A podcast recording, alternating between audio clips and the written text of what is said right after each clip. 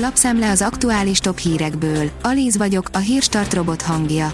Ma május 15-e, Zsófia és Szonya névnapja van. A 444.hu írja, az izraeli légierő felrobbantotta az Associated Press és az Al Jazeera épületét Gázában. Nem adtak rá magyarázatot, miért robbantották fel az épületet, de köze lehetett ahhoz, hogy az Al Jazeera élőben közvetítette az izraeli légicsapást. Módszeresen pusztítja valaki a fákat Zamárdiban, írja a 24.hu.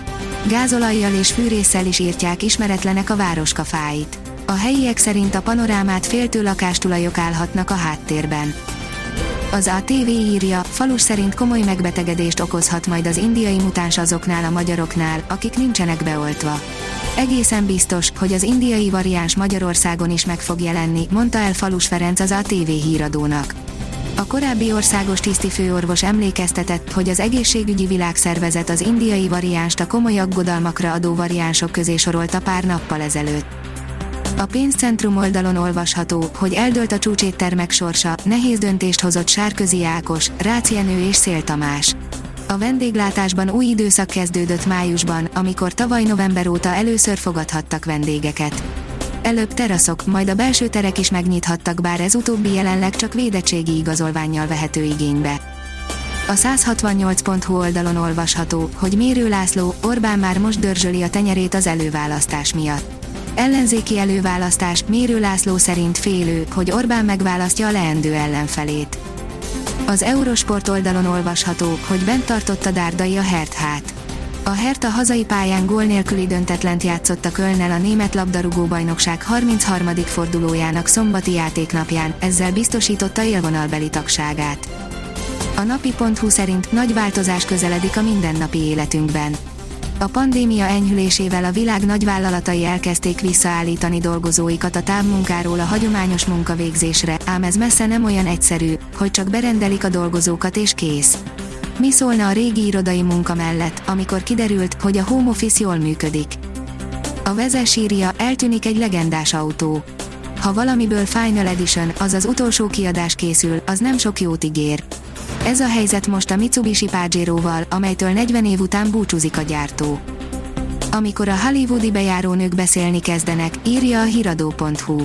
A sztárok szeretnek tökéletesnek tűnni a nyilvánosság előtt, akkor van gond, ha alkalmazottaik mesélni kezdenek.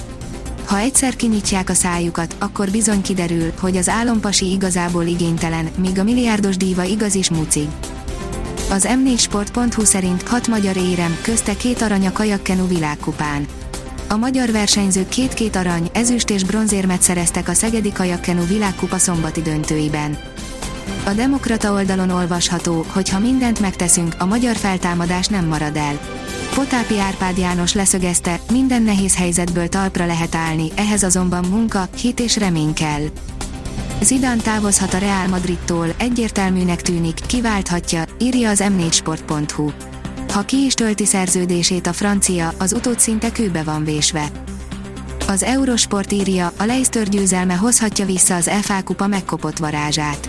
A Chelsea és a Leicester három nap alatt játszik kétszer egymással, de nem biztos, hogy a kupa döntő a fontosabb. A jövő hét sem hoz melegebb időt, írja a kiderül. A következő egy hétben több hullámban érkezik nedves levegő hazánk területére, mely kordában tartja a nappali felmelegedést. Mindössze pénteken várható néhány fokos, átmeneti melegedés a jelenlegi adatok szerint. A Hírstart friss lapszemléjét hallotta. Ha még több hírt szeretne hallani, kérjük, látogassa meg a podcast.hírstart.hu oldalunkat, vagy keressen minket a Spotify csatornánkon. Az elhangzott hírek teljes terjedelemben elérhetőek weboldalunkon is. Ha weboldalunkon hallgat minket, az egyel korábbi adás lejátszása automatikusan elindul. Beállíthatja, hogy az összes korábbi adás, vagy csak az aktuális tematika hírei következzenek. Köszönjük, hogy minket hallgatott!